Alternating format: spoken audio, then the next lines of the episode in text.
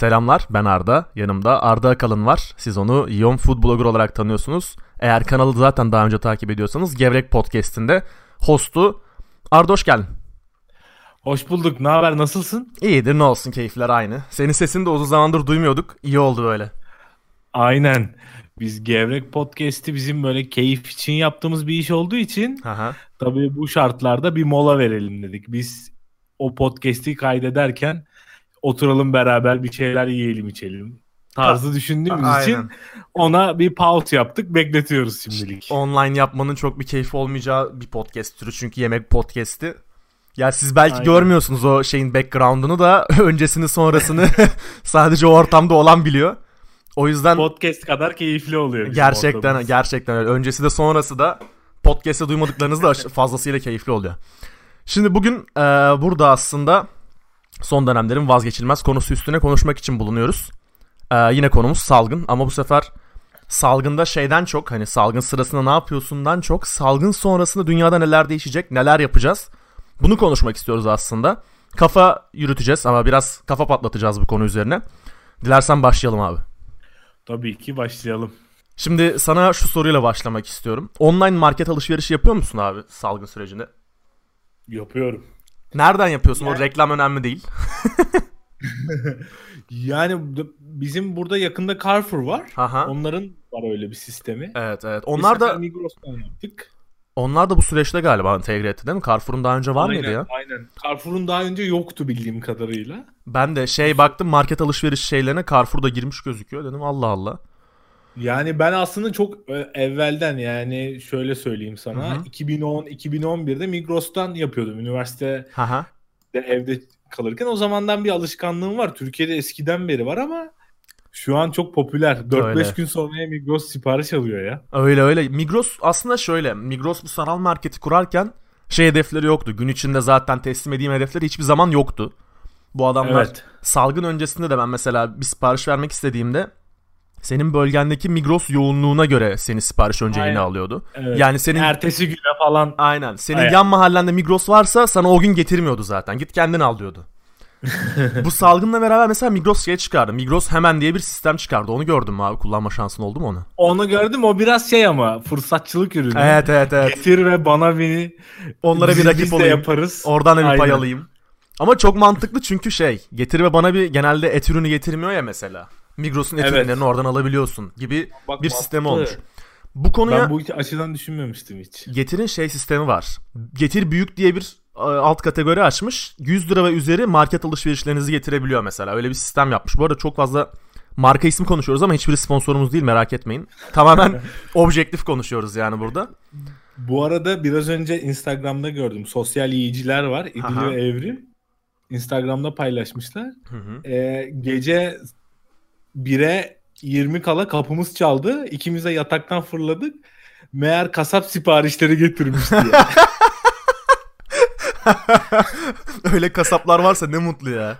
Ben Kasabın işler uzadı herhalde. Düşün gece. Ay, gibi gece getirmiş artık. bir de şöyle bir şey var. Şimdi benim babam Migros'un et üretim tarafında çalıştığı için biliyorum o tarafların üretiminin nasıl olduğunu. Bu salgınla beraber et tüketimi fazlasıyla artmış. Yani bunu rakam vermeyeyim de 3 katına 4 katına kadar artmış şeyin Migros'un ente- en- evet, ya? entegre et tesisinin üretimleri 3-4 katına kadar artmış ve satışları da öyle. Yani şu an Ya, ay sonu hedeflerini ayın ortasında falan tutturuyorlarmış. o Hadi kadar ya. artmış. Evet. ya ben bizim benim burada Atakent'te bir kasabım var. Ondan Aha. alışveriş yapıyorum. Ben de bu ilk yani neredeyse bir ay oldu işte ilk salgın Aha. Türkiye'ye varınca bir alışveriş yapayım dedim kendimce stok. Yani 2-3 kilo bir et aldım. Konuşuyorum, sohbet ettim. Abi diyor bir abla vardı dün geldi 10 kilo aldı diyor. Bugün geldi bir 5 kilo daha aldı diyor. Evde aslan besliyor olabilir mi abi? 15 kilo et 2 günde. aynen aynen. Difrize atıp bütün salgın boyunca oradan kemiriyor herhalde. Aynen olabilir. Ya bu soruyu şu yüzden sordum. Biliyorsun Amerika'da Instacart diye bir e, şey var. Market alışveriş sistemi var. Hı hı. Aslında teknik olarak Uber gibi çalışıyor. Ee, başka biri senin yanına market alışverişini yapıp arabasıyla geliyor sana teslim ediyor. Böyle bir sistemi var Instacart'ın. Ee, biliyorsun faaliyetlerini Uber durdurmak zorunda kaldı New York gibi büyük şehirlerde, Los Angeles Evet, gibi büyük şehirler. evet. Çünkü yok yani insan yok. Günde 2-3 dolar falan kazandıklarını söylüyorlar Uber sürücüleri artık. Bu yüzden bu e, Uber kullanıcıları şey Instacart'a yönelmiş. Instacart ayrıca yanlış hatırlamıyorsam 100 bine yakın çalışan alıyordu. Dünya çapında sadece şu teslimatları karşılamak için. Şimdi sana Oo. sorum şöyle olacak. Ee, hal böyleyken e-ticaret firmaları bu salgından sonra da e, şey kalabilir mi? Mainstream, popüler kalabilir mi? Yani insanlar artık markete gitmektense bütün market alışverişlerini online yapmaya devam edebilir mi? Sen ne düşünüyorsun bu konu hakkında? Ya bence düşünebilir zaten aslında çok mantıklı bir şey. Öyle. Hele yani bunun birkaç açısı var. E, vakit olarak inanılmaz bir şey kazanıyorsun. Yani ofiste Hı hı. bir işini yaparken arada girip siparişini verebiliyorsun ve akşam iyi planlarsan tabii bu Evet. kadar bir yoğunluk olmadığında akşam sen işten eve geldiğinde market alışverişinde eve gelebiliyor. Aynen. Diğer bir artısı ben üniversitede onun için çok kullanıyordum. Aha. Ben markete gittiğimde abi bam bam bam yani önüme geleni alıyorum. Kasaya geliyorsun böyle işte Bunu yine hiç aldım? tahmininin neredeyse iki katı kadar alışveriş yapmış oluyorsun. Online alırken güzel oluyor yani hani. Sepetini bir de gözden geçirme şansın oluyor ya. Yukarıdan Aynen, aşağı aynen. scrolllarken ben bu şeyi neden almışım ne bileyim işte avokadoyu neden almışım diye bir sorguluyorsun. Aynen. Aynen öyle. Bence mantıklı yani. Biz ben, ben önceden de kullanıyordum. Aha. Şu anda kullanıyoruz ama şu an aşırı bir yoğunluk olduğu Evet. için ilgim olmadığı zamanlarda oluyor ama bence bu bir alışkanlık olabilir. Bu arada Migros da şu an bu iş için personel alıyormuş. Evet, evet, evet, evet, evet. O ama mesela Migros şey göreceli olarak işte daha az yılıyor. Yani bin, bin çalışan olması lazım. Bin çalışan olacaktı teslimat için en son. Ha işte. Ama büyük ihtimal şeye göre, talebe göre arttıracaktır onu da. Ee, şöyle ben şu detaydan bahsedeyim. Şu an mesela New York'a gitsek ve New York'taki kargo teslimatlarına baksak. Arabadan indiriyorlar ya böyle filmlerde görürüz. Evet. Background'da böyle el arabasıyla binaya ittirirler böyle. O paketlerin üstüne baksak büyük ihtimal %95'inden fazlası şeydir. Amazon etiketiyle satılıyordur. Amazon Kesin. herhalde bu kriz süresince en fazla kar eden şirket oldu.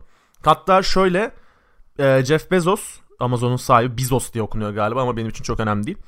Amazon'un sahibi e, bu kriz başlamadan önce hisse satmasıyla gündeme gelmişti. Yani zarar edeceğini düşünüp hisse satıp kar etmişti. Öyle bir Oo. mantığı vardı. Ama işler onun da beklemediği beklediği gibi gitmedi büyük ihtimal. E, net worth'üne, net worth'ün Türkçesini bilmiyorum. E, gelir değil de yani? servet. Toplam, servetine. toplam değeri Ha. veya serveti. Aynen. Servetine 24 milyar dolar daha katmış abi Jeff Bezos salgın Hadi sürecinde. canım. Evet. Ve yani. Şu an Amerika hiç kullanmadığı kadar Amazon kullanıyor. Türkiye'de de şayet öyle. Mesela bir yerden sipariş vereceksin. Atıyorum bir elektronik alacaksın. Bir elektronik şirketi sana diyor ki ben bunu 5 günde sana teslim ederim derken Amazon bu olağanüstü şartlarda bile e, bir günde teslim ediyor yine. Hiçbir şey yokmuş gibi.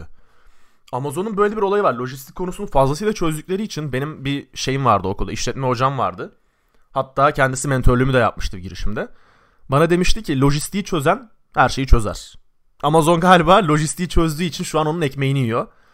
Adamlar Aynen, aynen öyle. ortada hiç garip bir şey yokmuş gibi normal teslimatlarına devam ediyor ve gerçekten servetine servet katıyor. Ya bu süreçte Peki- benim ha söyle lütfen abi. Şey nasıl Amazon kargo şirketlerini kullanıyor mu yoksa kendi dağıtım ağı var benim bildiğim kadarıyla değil mi? Nasıl? Şöyle, şöyle. Amerika'da kendi dağıtım ağı var zaten. Amazon Evet. Prime orada çok yaygın olduğu için gün içinde kendisi e, şey yapıyor. Evet. Burada da bu da benim şansıma e, annemlerin lojistik şirketinin e, aracılığıyla çalışıyor Amazon. Onların deposu. Yani lojistik yönetimi de burada profesyonel bir Amerikan markasının hatta şu an Fransız galiba. Fransız markasının elinde. O yüzden yani diğer ülkeler nasıl bilmiyorum. Amerika'da kendisi teslim ediyor ama burada da kendisi teslim etmiş gibi zaten şey oluyor. Nedir onun adı? Hizmet veriyor Amazon. İşte ya burada avantaj dediğin gibi lojistik. Evet. İşte bak en, en ufak örnek mikrofon aldım bir tane bu kayıtları yapabilmeniz için. Seninle beraber önce hepsi buradan bulduk Evet. mikrofonu. Ee, işte alıyordum artık kredi kartını falan girdim. Tahmini teslim tarihi diyor 5 Mayıs dedi. Şaşırdım. Sonra aradım. Şeyi hepsi burada şey diyor yani ürün bizim stok bizim depomuzda olan bir ürün değil diyor. Ha. Tedarikçi firma bize kargo olacak. Oo. Biz onu burada stoğumuz oluyor. Sonra biz size kargo olacağız falan filan. Öyle. Neyse bulduk bir yerden. Aha. Saat iki buçukta sipariş verdik. Ertesi gün saat 11'de sabahtan 11'de Aynen. geldi yani işte. Aynen aynen. Yani lojistik yönetimi şu krizde en büyük şey. Yani ben bu süreçte Aynen. tüketici alışkanlıklarının da değişeceğini düşünüyorum. Yani daha demin konuştuk işte. Bundan sonra market alışverişinin de sadece online yapmaya çalışacağız mı ya da büyük çoğunluğunu online mi yapacağız diye.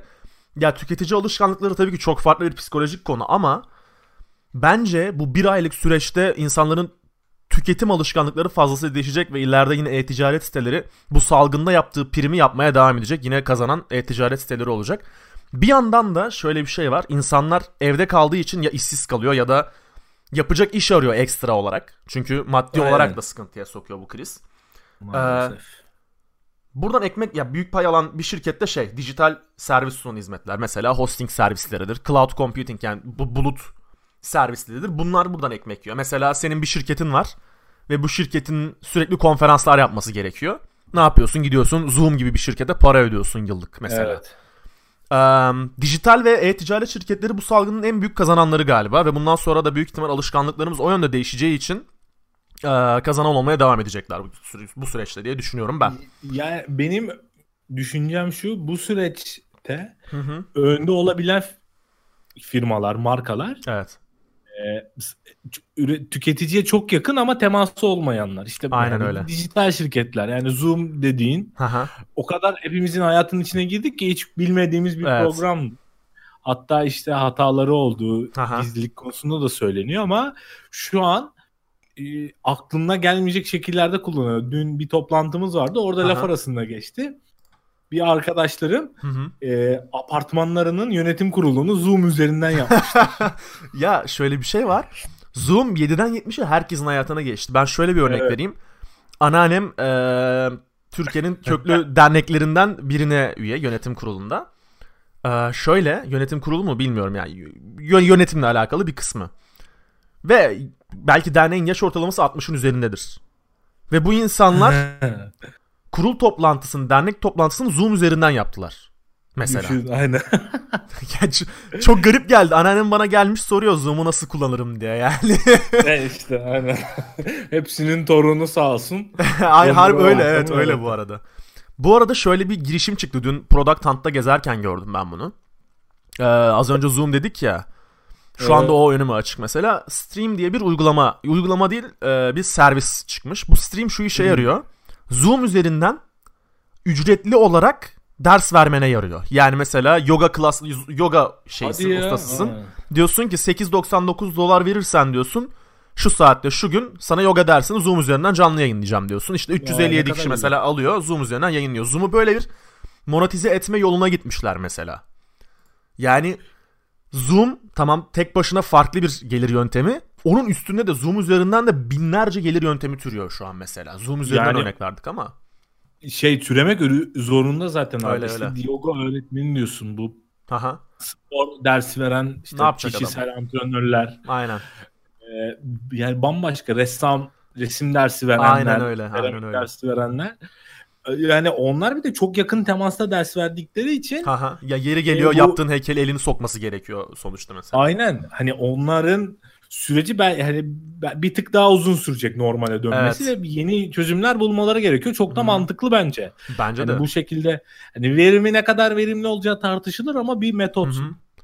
O verim mesela on, online eğitim verimini zaten birazdan konuşacağız. Ben bunu birebir de deneyimlediğim için onu konuşacağız zaten bir sonraki konu. Ona ayrı geleceğiz. Ee, şimdi şeyden geçelim bir. Ee, bu e-ticaret şirketleri ve dijital servislerden başka bir konuya geçelim. Tabii ki. Ee, home office. Bundan en büyük etkilenen de sensin büyük ihtimal. Ben Aynen. şu an mesela bir oyun e, geliştirme stüdyosuyla beraber çalışıyorum ama benim işim her zaman remote olduğu için dijital şey online'dan yaptığım için işimi beni çok etkilemedi ama sen e, 9-5 mesela şey çalışmaya gidiyordun atıyorum. Tabii Şu- tabii. Bir, bir aydır evden çalışıyorsun. Nasıl bir his abi onu söyler misin ilk önce? Yani ben bamba yani bambaşka bir his. Ee, hiç tahmin etmezdim evden çalışacağımı ki bizim aslında çalıştığımız iş haha. home office çalışmaya biraz yatkın. Biz yurt Aha. dışında ta- elektrik taahhüt işleri yapıyoruz. Yani Türkiye'de zaten ofisimiz de çalışıyor ve hep online takip ediyoruz işlerimizi ama e, ben 2012'den beri iş hayatındayım. Bir disiplin vardı işte. Kalkardım sabah 8'de Aha. ofise giderdik. İşte mailler, toplantılar. İşte pazartesi Aha. standardımız Aha. bizim bütün e, ofiste olanların katıldığı görev toplantıları falan olurdu. Aha. Tabii daha bizim e, sağ olsun yöneticilerimiz de daha ilk Hı hı. aşamada tam bundan bir ay işte 20 Mart gibi 17 Mart olması lazım. Artık Aha. evden çalışalım dediler. Biz eve geldik. Nasıl olacağını bilmiyorduk ama işte ilk gün cumartesi pazar normal geçti. Ben pazartesi yine alarmımı kurdum biraz daha geç. 9'da Aha. açtım bilgisayarı çalışmaya başladım. Aha. Ee, yani farklı ama oluyor. Ama çok ince bir çizgisi var yani. O Evet. disiplini kaybedersen işin ucunu kaçırabilirsin. Öyle öyle öyle. Ee, o- yani o insanın iç disiplini ama e, enteresan olacak benim görüşüm bu. Yani mesela bizim Aha. şirket için düşünüyorum ben. Aha. Şu an biz ofis kirası veriyoruz, elektrik ödüyoruz, e, işte ısınması falan filanı. Evet. Bu sabit gelirlerimizin tahmin ediyorum %30'una falan geliyordur.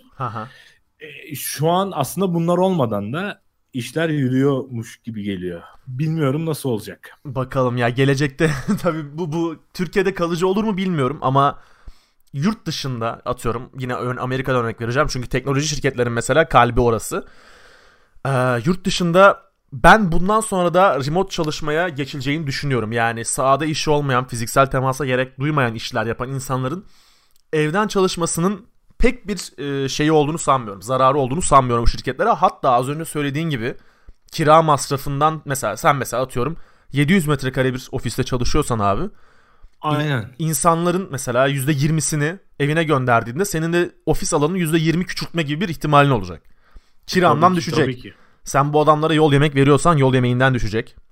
Aynen. Ki son dönemlerde ülkedeki ekonomik krizden dolayı da çoğu şirket küçülmeye gidiyordu. Eee, home office aslında bu olayın ilacı olabilir diye düşünüyorum ama beyaz yaka dalında. Mavi yakalarda bu olay çok daha farklı. Mavi yakalarda yine ülkemizde insanların çok büyük bir iş kaybı riski olduğunu düşünmüyorum. Sen ne düşünüyorsun bilmiyorum. Yani çünkü Türkiye'de otomasyon çok yaygın bir şey değil. Ee, Ya öncelik beyaz yakada dediğin gibi. Evet. Ee, senin Türkiye ile ilgili düşünceni anlıyorum. Burada Aha. çok yaygın olmaz diyorsun ama Evet. yani burada Kayserili tüccar mantığıyla düşünecek çok insan var. Hani ben Ha öyle bir bunları var. yaparken işte atıyorum 10 bin lira benim sta- sabit giderim vardı. O 10 bin lirayı çektiğimde de aynı verimi alabiliyorsam bu radikal karar Aha. verebilecek insanlar da olduğunu düşünüyorum. Bu süreçte göreceğiz bunu yani. Evet işte ya bu- bunu zaten kapanmadan önce de söyleyeceğim bu konuyu da. Bilmiyorum abi bana Türkiye remote çalışmaya çok yatkın bir ülke gibi gelmiyor. Genel olarak e, rahat bir milletiz. Çok genelleme yapmış olacağım. Belki bunun %20'si rahat değildir ama rahat böyle ne denir ona? Chill denen kelime böyle. Hani relax bir milletiz. Evden çalıştığında nasıl olsa evden çalışıyorum deyip mailine bile 3 saatte bir bakan adam olacaktır mutlaka. Çünkü İşte bizde kendini denetleme mekanizması yok. Çoğu insanda. Ve ben, sen Doğru, bunu doğru. hatta bu sadece Türkiye için değil, dünya üzerinde çoğu insanın kendini denetleme mekanizması yok. Ve sen Aynen bunu öyle. dışarıdan öğrenmek zorundasın. Yani bir şekilde okuyarak ya da birinden deneyimleyerek öğrenmen gerekiyor. Bu yüzden çok inancım yok benim. Ama söylediğin mantık da var. Kayserili tüccar mantığı. Onun da çok etkili olabileceğini düşünüyorum. Bakalım göreceğiz ya. Yani değişik bir süreç. Bakalım ben de tab- yani fikir yürütmek zor Evet. ama e, yani en azından şöyle düşünüyorum. Hı hı. Yani işte böyle bir salgın olmasaydı Evet. bu kararı hiçbir zaman alamazdı Türkiye yöneticiler. Ha, o yani. da var. Biz işte beyaz yakalının %70'ini eve gönderelim remote çalışsınlar diye. Aynen. Ama zorunlu olarak bu süreçten geçince Hı hı. yani en azından bir fikir olabilir. Evet. Şöyle bir şey söyleyeyim mesela benim babamın yaptığı iş Aha. o şey e, fotokopi makinesi ve yazıcı kiralıyor kurumsal şirketlere. Anladım. Bu bir ay içinde tahmininden çok daha fazla firma Aha. personellerin evine yazıcı tarayıcı Aa. bile aldı. Aa çok mantıklı. Aa. Mesela ya şu salgın öyle bir şey ki hiç beklemediğin yerlerde hiç beklemediğin fırsatlar yaratıyor aslında iş bazında. Yani bak- Aynen aynen ya aynen. sen bunu düşünebilir Mesela- miydin abi? İlk öngörün bu olur muydu? Evdeki çalışanına printer almak ve printercıların kar etmesi mesela atıyorum. Ya o çok ilginç. Evet. Ya şimdi no, yani bu ben babam 61 yaşında ve aslında Aha. pek de işe gitmesini istemiyorum ama işte bir aylık bir süreç haftada belirli günler işe gidiyor. Hı hı. Yani normalde çalıştığı sektöre baktığında insan şey düşünüyor ya iş pek olmaz. Evet. Çok da şey yani tah benim tahminimden daha iyi iş. İşte toner stoğu yapan firmalar oldu. işte e- evlerine yazıcı kiralayan firmalar oldu. Çok garip. Ya bu, bu fırsatlar büyük ihtimal zaten bundan 5 sene sonra bu salgın geçtiğinde yani inşallah 5 seneye geçer.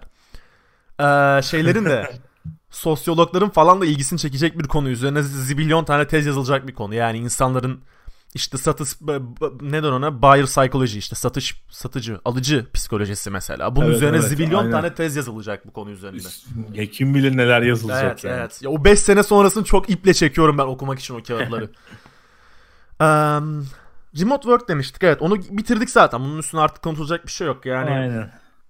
tasarruf fırsatı var. Şu an yönetim kurullarının da şeyine girmiştir mutlaka defterlerine girmiştir böyle bir şey yapalım mı gelecekte diye. Ama bunu tabii ki tahmin etmek zor çünkü karışık bir coğrafyayız.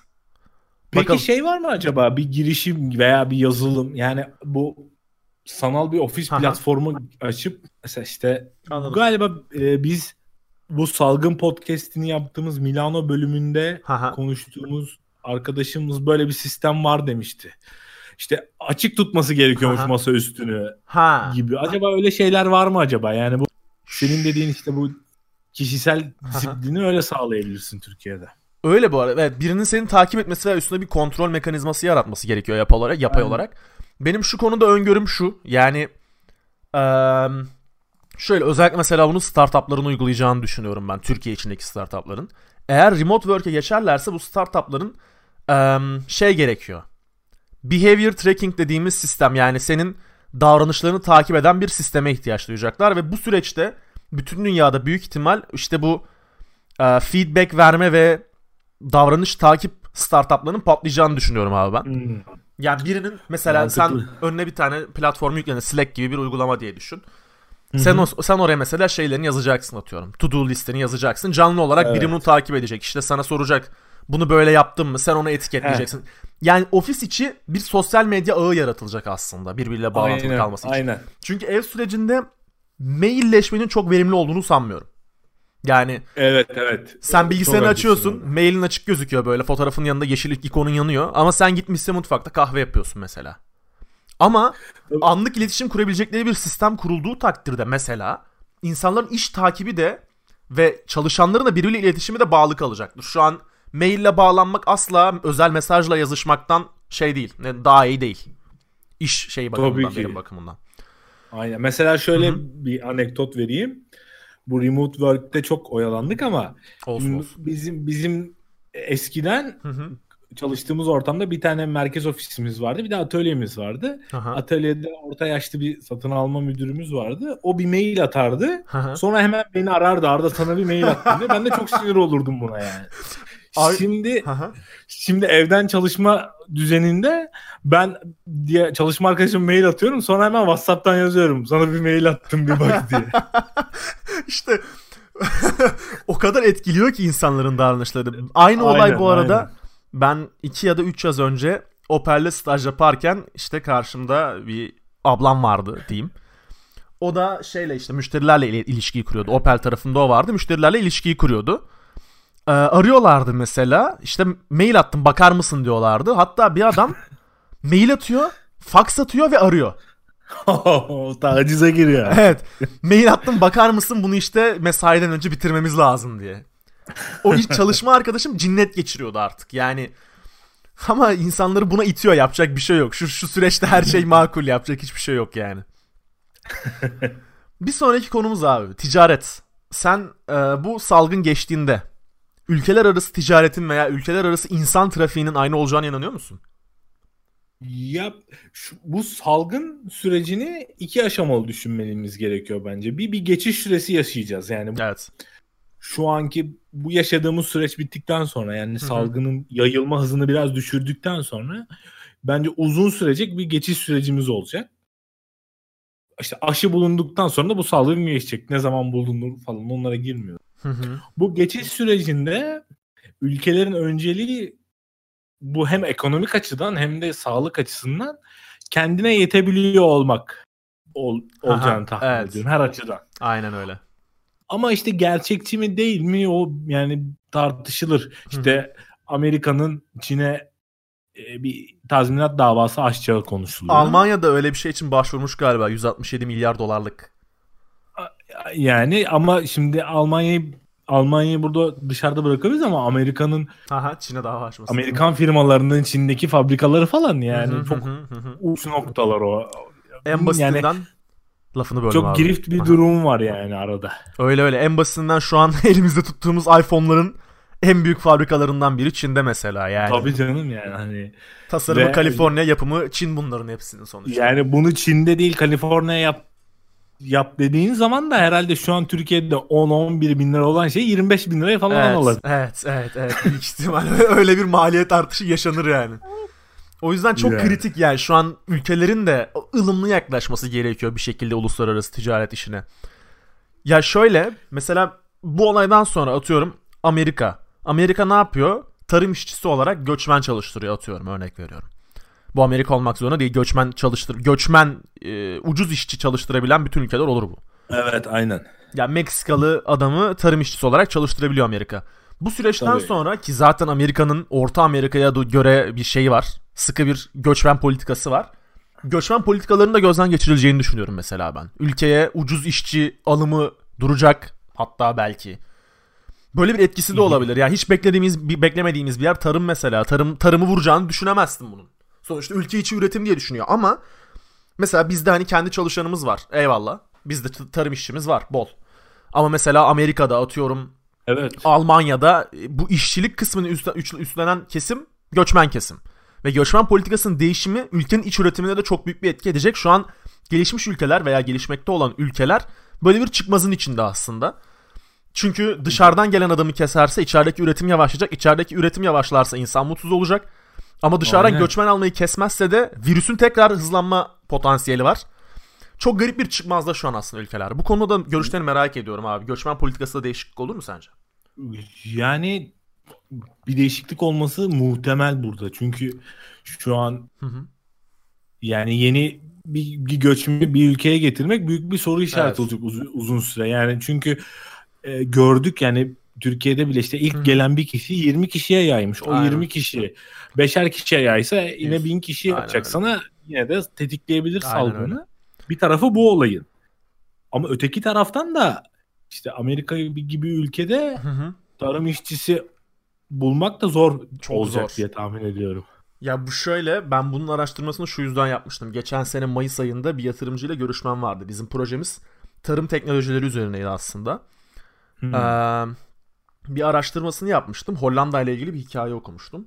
Mesela Hollanda ve Hollanda'daki tarım işçisiyle bizim çiftçimizi karşılaştıran, tarım işçisiyle çiftçileri karşılaştıran bir sistemdi. Karşılaştıramayız bile Ha. bence yani. Hollanda tarlada çalışacak işçi bulamıyor. İşçi bulamadığı için de çiftçiye prim vermek zorunda kalıyor. İşte Evet. sana diyor beleş traktör, benzinin işte normalden %80 daha ucuz. Böyle teşvik primleriyle gelişmiş ülkelerde tarım devam ettirilebiliyor zaten.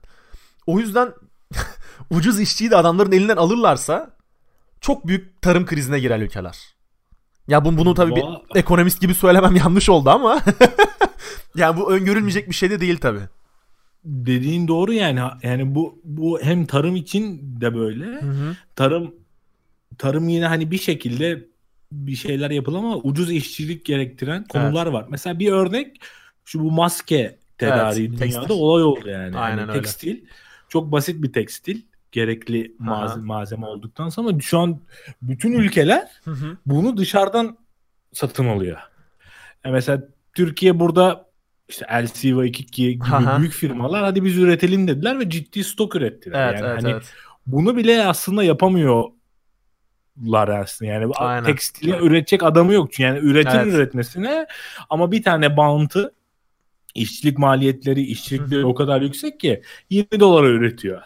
Onun yerine giderim Çin'den alırım diyor ama işte o Yani a- yani Hah. şey bir durum var yani dediğin gibi karmaşık bir Evet, durum var evet, zor evet. karar verme. her kapı birbirine çıkıyor böyle. Gerçekten yuvarlak gibi sanki bütün kriz ve her her dönüşünde farklı bir kapıya çarpıyorsun. Benim burada bu salgın döneminde en tedirgin eden şey şu. Bu her açıdan böyle. İşte biz evde kalıyoruz şu an. Hı hı. Ama yeter noktasına gelirsek ve ondan sonra bazı şeyleri ay, yapmayacağıma girebiliriz. Bu ticarette de tarımda da böyle yani. Öyle Şu öyle öyle. Amerika mesela işte göçmen kabul etmeyeceğim. Ben tarım işçisine Aha. kendim bulacağım diyecek. Bulamayacak bulamayacak. İşte karşılamayacak yeter diyecek açacak kapıları işte. Meksikalılar gelecek tarım yapacak. Aynen. O da bizi en başa götürecek mi acaba? Tekrar? Öyle bir evet öyle bir şeye de girebiliriz bir loop'a da girebiliriz bir döngüye de girebiliriz. Çok garip bir şey bu ya. İkilem değil hatta beşlem falan yani. Aynen işte 65 yaş üstü şimdi Aha. Twitter'da trend topik olmaya çalışıyor. Bize parka çıkmaya izin verin. Yarın hurra çıkabilirler dışarı. Arda. Abi dediğin olayı geçen hafta Amerika'da yaşadık ya abi zaten. Şey e, hemşireler sokağa çıkıp ayaklanan arabalarıyla kornaya basanların önünde durdu yol kesti falan. İnsanlar biz Evet. evde durmak istemiyoruz işte maske takmak istemiyoruz. Aynen. Social distancing istemiyoruz diye ayaklandı. Aynısını Türkiye'de görmemiz de muhtemel bu arada yani. O yüzden korkmuyor da değilim de. bu konuda. aynen aynen. Şeye dönmek istiyorum. Sen dedin ya maske üretimine, maske üretimi kıtlığına. Şöyle Evet. 2009 senesinde, 2009 senesiyle 2012 senesinde Amerika'da bir tekstil kıtlığı oluyor. Yani insanlar tek, tekrar tekstile para yatırmaya başlıyor. Çok büyük paralar harcamaya başlıyor ama Amerika bu talebi karşılayamayacak halde oluyor. Ve bu yüzden mesela üretim tesislerini hep Çin'de kuruyorlar. Çin'deki düşük işçilik maliyetiyle Amerika'daki şeyi karşılıyorlar. 2009 ile 2012 senesi arasında tekstil açlığını karşılıyorlar. Aynı kriz şu an aslında maske için geçerli. Maske de bir tekstil ürünü sonuç olarak eğer filtreli maske Aynen. almıyorsanız. Aynı kriz şu anda geçerli ama bu sefer farklı olan şey kimsenin Çin'de iş yapamaz, yapamaması. Yani Evet. böyle ufak bir problemimiz var. Yani Amerika özelinde baktığında her işçilik gerçekten çok pahalı. Yani Evet. şöyle bir şey anlatayım. Şimdi bizim burada yaptığımız iş elektrik taahhüt işi. İşte Aha. binaların, fabrikaların falan. Evet. Ee, orada benim bir arkadaşım var Amerika'da Los Angeles'ta yaşıyor. Müteahhit lisansı aldı orada Tamam. ve o elektrik mühendisi. O da o da bu işleri yapmaya başladı. İşte nasıl diyeyim sana lüks residence'ların elektrik Aha. işlerini yapıyor. Anladım. E, ilk yapmaya başladığında beraber çalıştık onunla işte. Aha. Adam saat maliyetleriyle ilgili. Yani aynı adam saat, saat maliyetiyle Türkiye'de o işi yaptığımda ben atıyorum dok- 90 bin dolara yapacaksam Aha. orada maliyet 450 bin dolardan yüksek oluyor. 5 katında. Oo. Oo. Yani iş, sigor- işçilik sigortaları Hmm. Öyle bir şey var. inanılmaz yüksek yani hani Anladım. personele verdiğin maaşın da yüksek. Evet. Göçmen göçmen çalıştırıyorsun ama işte usta yani kalifiye eleman da göçmen bulamadığın zaman Amerikalı oluyorsun. Yani çok yüksek maaşlar veriyorsun. Yani bu şu an aslında ins- işte bu mesela belki solunum cihazı içine geçerli. Aha. Var öyle bir evet. bulunmama sebebi büyük ihtimalle bunları Amerika veya işte. Avrupa ülkelerinin Çin'de ürettiriyor olmaları. Evet büyük ihtimal.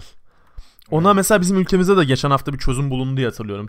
Türk, Evet, Türksan- evet. neydi Aselsan'la bir başka bir şirketin ortaklığında işte günde bin tane mi haftada bin tane mi ne solunum cihazı üretilme hedefi koyulmuştu mesela. Bu çok büyük bir gelişme aslında bakarsan diğer ülkelere baktığında özellikle. Evet evet yani ben de şaşırdım ama işte Tofaş'ın. Arçelik'in, evet, Aselsan'ın Arçelik, ha. falan bir, Evet. bir konsorsiyum güzel oldu. Yani Evet, çok başarılı. de vardı işte bir, bir bayağı orada bin tane vardı herhalde. Çok başarılı iyi ya. bir aksiyon. Aynen bakalım. Ee, bir sonraki konumuza geçelim. Bu konu üzerine Tabii zaten ki. çok durmaya gerek yok. Bunun e, akıbeti ortada. Online eğitim. Ee, şimdi genel olarak online eğitim dediğimiz şey e, self-paced olarak yani kendi hızında öğrenme olarak yaygın bir şey zaten. Udemy gibi sitelerden ders alıp farklı yetenekler öğrenebilmene olanak sağlıyor. Ama şöyle bir şey var. Ee, daha ülkemize vuran bir trend değildi bu. Çünkü insanlar şey kendi iradeleriyle bir şeyler öğrenmeye çok aç değil bizim ülkemizde. Ee, online Aynen eğitime öyle. geçerken de şöyle bir problem yaşandı. Bir, insanlar kendi iradesiyle çalışmak istemiyor zaten. Ders çalışmak istemiyor. O yüzden okula gidiyor. Ben okulda bir şeyler öğreneyim de sınavı geçeyim diye gidiyor.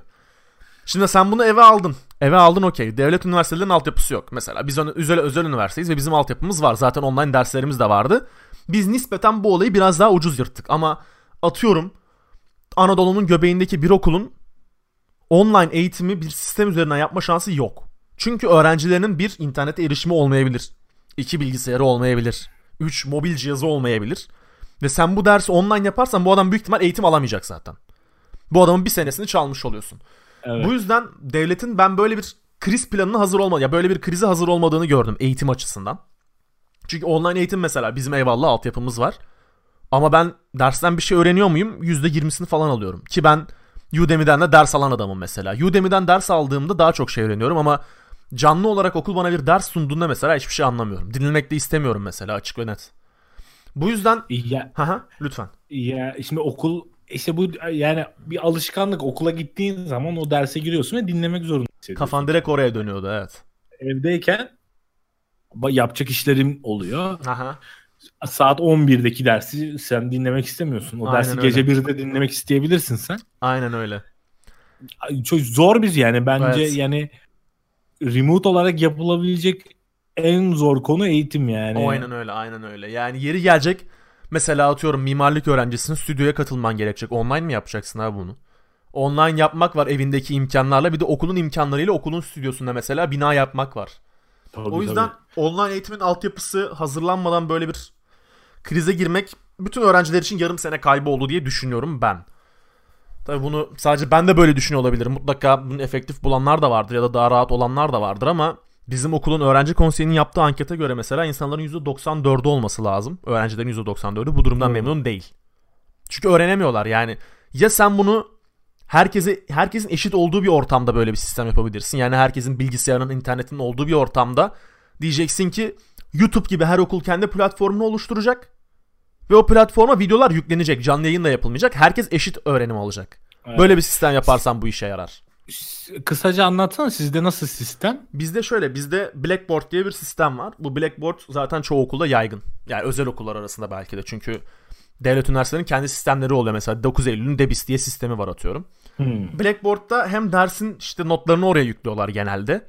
İşte bir duyuru olduğunda diyelim işte sınavının yeri duyuruldu orada duyuruluyor falan. Böyle bir duyuru sistemi. Ee, okula ilk sene girdiğinde tarih ve Türkçe gibi beraber alman gereken ortak bölüm ortak dersler bölüm dersi var. Ortak dersleri hmm. online veriyordu zaten okul. İlk sene herkes Vay. Türkçe veya tarihi online alıyor zaten. Okulda çünkü her sene gelen 7000 kişiye atıyorum yer bulmaları imkansız. Böyle bir kapasite yok. Bu yüzden online Vay. altyapısı vardı okulun. Ee, bu sisteme geçtiğimizde de zaten dediler pazartesinden itibaren atıyorum. İkinci pazartesinden itibaren kriz başladıktan ikinci pazartesinden itibaren dersler online olacak dediler. Kimse ayıp şey yapmadı bunu kanıksamadı. İşte bazı Çünkü hoca... herkes bir, bir iki ders almıştı. Aynen onu. herkes nasıl kullanacağını da biliyor. Böyle bir kriz yaşanmadı zaten. Altyapı da hazır olduğu için işte çökmeler falan yaşanmadı. Ama atıyorum mesela benim Ege Üniversitesi'nde arkadaşlarım var. Ege Üniversitesi'ndeki adama hoca diyor ki sınav var bundan bundan sorumlusunuz. PowerPoint'leri yükledim diyor. Ya abi PowerPoint okuyarak ben şey mi öğreneceğim mesela mühendislik mi öğreneceğim? PowerPoint o, okuyarak mühendislik öğrenecek olsam okula niye geleyim ki ben? Yani Google'a yazarım. Yani. Temel mühendislik dersi alırım. O yüzden böyle evet. bir eşitsizlik var. Yani bizim okulda okuyan bir bilgisayar mühendisiyle atıyorum. Devlet üniversitesinde okuyan bir bilgisayar mühendisi aynı eğitimi alamıyor şu an. Ki normalde de zaten aralarında eğitim farkı varken şu an iki kitle arasında parası olanla parası olmayan arasında teknik olarak çok büyük bir fark yaratıyor bu sistem. Hmm. Bilmiyorum o yüzden Sıkıntı.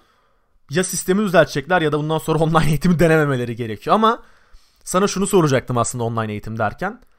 Bu online eğitim modeli mesela Amerika'da insanlar şeyle çok yakınıyor işte öğrenim kredisi borçlarından çok yakınıyor biliyorsundur mutlaka. Hı hı. Online eğitimle sonuçta eğitim masrafları yarı yarıya iniyor en azından. Sence Amerika bu öğrenci borçlarının önüne geçebilir mi? Ee, bence yani en az kullanılacak yani burada ilerlenebilecek en kısıtlı alan eğitim. Evet. Ben e, eğitimde ki o kadar iyi bir yenilik gelemeyeceği için Aha. dünya normale döner dönmez herkes eski haline dönecek en hızlı şekilde. Ya şu an okula gitmek için herkes can atıyor bu arada yani. Aynen öyle yani. İşte en en hızlı şekilde bu ama dediğin gibi de Aha. yani en azından 6 ay kaybı var şu an bütün öğrenciler. Öyle öyle öyle yapacak bir şey yok. Ee, gelelim en önemli ve son konumuza. Artık yavaş yavaş kapanışa geliyoruz. Belki çok ütopik bir konu gibi gelecek ama şöyle bir mevzu var biliyorsunuz. Endüstri 4.0 diye mutlaka televizyonda Habertürk izlerken, Bloomberg izlerken bir şekilde denk geldiğiniz bir kavramdır bu. Duymayanı yoktur. Endüstri 4.0 denen endüstri devrimine bence bu salgından sonra tam olarak geçiş sağlanmaya başlanacak. Şu an çabalıyoruz ama tam olarak devrim gerçekleşmiş diyemeyiz. Ama bu salgın çok büyük tetikleyeceğini düşünüyorum Endüstri 4.0. İstersen onun üstüne tartışalım biraz abi. Sen ne düşünüyorsun Endüstri 4.0 hakkında? Ya ben 2016'da Aha. Almanya'da bununla ilgili kısa bir eğitim aldım. Siemens'in eğitimine katılmıştım. Tam yeri. Orada aslında bunu bu bak unutmuşum. Şimdi konu gelince bir anda aklıma geldi. Hı. Yani işte çok kalabalıktı ve yani çok ciddi hele 2016 ile şu an 4 yılı geçti aradan. Hı. O zamanki yatırım maliyetleri de çok daha şeydi yani fantastikti. Hı. Endüstri. Evet. Yani işte insansız ortamda üretim yapılması, hı.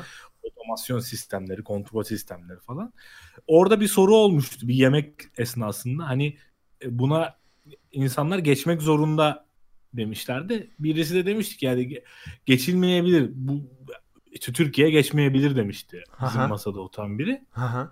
Alman mühendis şey diye açıklamıştı. Yani hani bu öyle bir şey ki zor en imkansız şartlar düşünüldüğünde Hı hı. Yani bu, bu böyle bir sisteme geçilmesi şart olacak bir yerden sonra dünyanın Evet. O şart bu O galiba. zaman bir pandemiden bahsetmemişti ama işte bir dünya savaşı çıktığında demişti. Hı hı e, insanlar işlerine gidemeyecekler ama bu yemeğin, gıdanın Evet. ü- üretilmesinin kesintisiz olarak devam etmesi gerekecek. Hı hı. Bunları da bu şekilde sağlayabiliriz demişti mesela. Adam gerçekten öngörmüş yani bunu. Aynen. Aynen. Şu an düşününce öyle. Yani Hı hı. çok bu gerçekten çok önemli. Ee, Türkiye de bu konuda bir şeyler yapmaya çalışıyor ama yani bu ekonomik şartlarda zor. Hı hı. Ben şey... ama süreç uzarsa Hı hı. bu gerçekten reale dönüşebilir yani. Büyük yatırımlarla insanlar buna girebilir. Ya şöyle ben bundan bir sene bir buçuk sene önce e, Kronik kitabın bir kitabı vardı. Robotların Yükselişi diye. Yanlış hatırlamıyorsam Martin Ford diye bir yazarın kitabıydı. Ve bu işte e, yapay zekanın ve işsizlikle ilgili, gelecekte işsizlikle ilgili, yapay zekanın işlerimizi çalmasıyla ilgili bir kitabıydı. Orada şöyle bir veriden bahsediyordu. Tam net olarak tarihi hatırlamıyor olabilirim.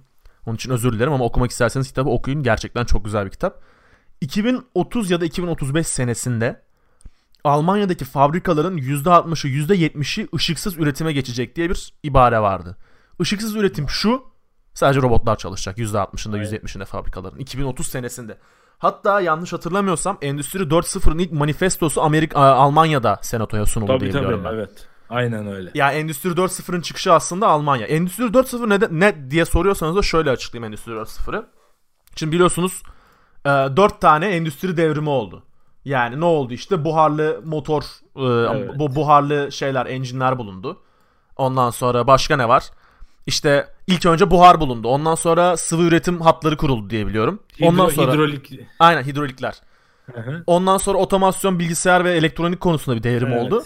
Şimdi de şöyle işte e, bu otomasyon ve bilgisayar elektronik yapay zeka Entegre. dediğimiz şeyin internete bağlanmasıyla Endüstri Aynen. 4.0'ın ortaya çıkacağını söylüyorlar. Yani sen nasıl internete erişim sağlıyorsan makinaların da internete erişim sağlamasıyla Endüstri 4.0 denen devrim gerçekleşmiş olacak.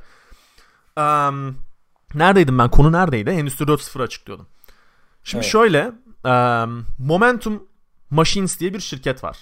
Momentum Machines'in sahibi ya o kurucu ortaklarından biri Alexandros Vardokostas. Bunu not aldım bu arada aklımdan söylemedim.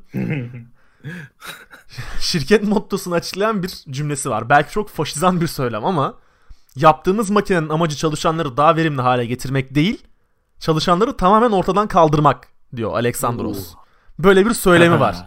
Ve bu adamların bir makinesi var. Köfte makinesi. Hamburger yapıyor bu köfte makinesi. Saatte 360 tane burger yapıyorlar. Yani normal bir işçinin, burger çalışanının, McDonald's çalışanının mesela yapamayacağı bir şey bu. Ayda e, yapar yani tek başına. Ayda ayda zaten şey bir yıllık belki bütün Amerika'nın Aynen. üretimini çıkarıyordur yani. Şey restoranların işçilik maliyetlerini düşürerek şey yapmaya çalışıyorlar işte. Ürünlere verdikleri kaliteleri arttırmaya çalışıyorlar ve bu sayede fast food hızında gurme burgerler sunmayı hedefliyorlar mesela. Ve Vay. bilen biliyordur belki McDonald's'ın sipariş verme sistemleri artık ekran tarafından gerçekleştiriliyor. Evet. Yurt dışı, Fransa'da da var mesela. Ekrana giriyorsun, seçiyorsun ne istiyorsan. işte onu çıkarıyorsun, bunu çıkarıyorsun, onaylıyorsun, ödemeni yapıyorsun, gidiyorsun. Senin kasada para ödediğin yerden sadece ürünü alıyorsun ve çıkıyorsun. Meg belki gelecekte bunu da göreceğiz bu arada. Yani Burger King çalışanları da işinden olacak. Ve bu süreç Endüstri 4.0'a geçişi o kadar hızlandırıyor ki şu an çoğu firma üretimine devam etmek için makine kullanmak zorunda.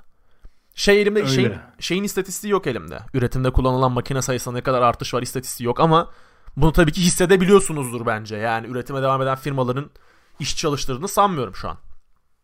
Yani işçi çalıştıran firmalar zaten devam edemiyor bir süre sonra. Yani Aynen öyle. Şu an Türkiye'deki fabrikalara az çok giren çıkan bir insan Aha. olduğum için e, otomasyona adım atmamış. Hiç Aha. otomasyon her şeyin Evet. insan gücüyle yapıldığı, insan kontrolü yapıldığı çok fabrika var. Bunlar zaten bu sosyal mesafe kural, kuralları altında kolay kolay iş yapmaları da mümkün değil. Verimli Aynen öyle. olarak çalışamıyorlar. Aynen öyle. Yani şey dönüşümlü vardiya diye bir sistem getirmiş. Mesela telekomünikasyon şirketlerinde de bu var. Adam normalde mesela bir şube bir tane bölgeye bakarken şu an o şube haftada 3 gün bir bölgeye bakıyor. Diğer 3 gün farklı şube farklı bölgelere bakıyor. Evet. Böyle bir dö- verimsiz bir sistem getirmişler. Son günlerde telekomünika- telekomünikasyon şirketleriyle çok içli dışlı olduğum için çalışma sistemlerini biliyorum artık. Eee, şöyle ben işte 2 sene önce de bu Amazon'un beraber çalıştığı lojistik şirketinde İstanbul'da staj yapmıştım. Yazılım stajı.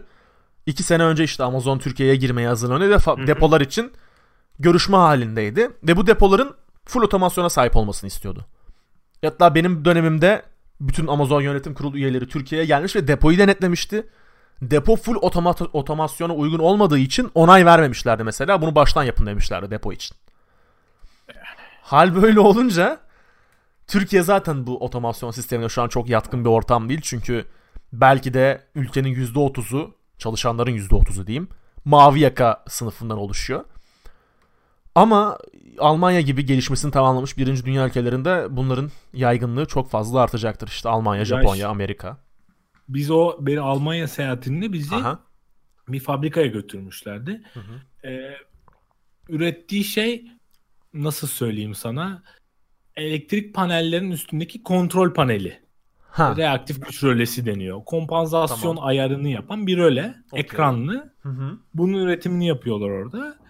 Ee, şey Siemens'ten Endüstri 4.0 geçiş almışlar ve bütün hı. depolama sistemleri şey robot tarafından yapılıyor.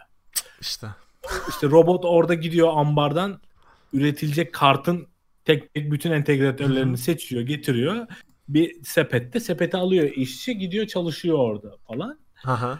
Ee, o zamanın parasıyla böyle yani şu an hatırlamıyorum çok büyük bir paraydı. Yani Aha. 20 20 euro sadece o depodaki robot robotik sistem işte raylı sistemle gidiyor yerine kadardı. Burada neden geçtiği konusu da şeydi. Hı hı. Bir araştırma yapıyorlar. Hı. Ee, geriye dönük tekrarlanan işlerin %90'ı Hı hı. ambardan çekilen yanlış malzeme üzerinden olduğu için Ha. adamlar böyle bir yatırım yapıyor. Yani Çok Yani çok mantıklı fark- bir yatırım bu arada ya. tabii tabii.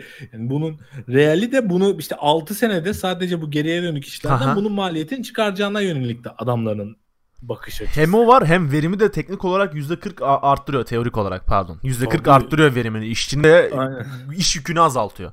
Tabii aynen. Söylediğin sisteme Walmart 2005'te bir yatırım yapmış. 2005 diyorum yani. Bundan 15 yıl önce. Gece boyu raflar arasında bu dükkanlarına raflar arasında gezecek işte barkodları okuyacak. Işık çalışmıyorken elektrik yokken. Ürün stoklarını güncelleyecek robotların üstünde çalışmaya başlamış Walmart 2005 senesinde. Böyle bir sistemleri var. Hatta elimde şöyle bir istatistik var. Az önce Amerika'nın tarım işçilerinden de konuştuk göçmenlerle ilgili. 19. yüzyılın sonunda Amerika'daki işçilerin neredeyse yarısı tarlada çalışıyormuş. 2000 senesine geldiğimizde bu oran %2'nin altına düşmüş çünkü robotlar yaygınlaşmış artık tarım robotları. Aynı şekilde Vay. aynı şekilde düşük ücretli göçmen çalıştıramayan ülkeler işte Avustralya, Avustralya tek başına bir kıta sonuçta oraya zaten Aynen. göçmen politikası farklı. Beyin göçü alıyor. Japonya, Güney Kore. Böyle ülkeler şuna yönelmiş tarım robotları. Yani mesela limon mu toplayacaksın ağaçtan? Limon makinesi yapmış adam. Ağaca bağlıyorsun. Sallıyor limonu topluyor mesela. Ya da ahtapot kolu bir makine yapmışlar. Salıyorsun her yerden topluyor topluyor Hmm. geziyor bütün tarlayı mesela. Ve böyle meyve sebze üretiminde %80'e varan verim artışı gözlemlemişler. %80. Yani sen bir üretiyorsan 1.80 üretmeye başlıyorsun artık bir tane meyveden diye düşün. Ya işte bu bu süreç uzarsa yani Evet. tabii biz bunu düşünmek istemiyoruz büyük ihtimalle. Eylül'de bitsin mümkünse. Evet. Heh. Yani bi- biz bir, bir sene, bir buçuk sene evde kaldığımızı düşünsene. O zaman bu, bu şekilde inanılmaz yatırımlar çok Aynen öyle. değerlenecek. Aynen öyle. Çok yükselecek. Onun da sonu ama atıyorum iki sene evde kaldık. Üçüncü sene aşı bulundu. Her şey normale döndüğünde de Bunlar devam birçoğumuz edecek. iş bulamayacak artık Evet, evet, evet. Aynen öyle. Yapacak bir şey yok. Ufaktan toparlayalım abi. Yani ama. Aynen. bütün her şeyi konuştuk zaten bundan sonra. En, Evet. en ütopik senaryo, senaryodan Kayserili tüccar mantığına kadar her şeye değindik. ben bu konuyla ilgili son konuştuğumuz devrimle ilgili, endüstri devrimiyle ilgili bir anekdotla, anekdotla kapatmak istiyorum. Tamamdır.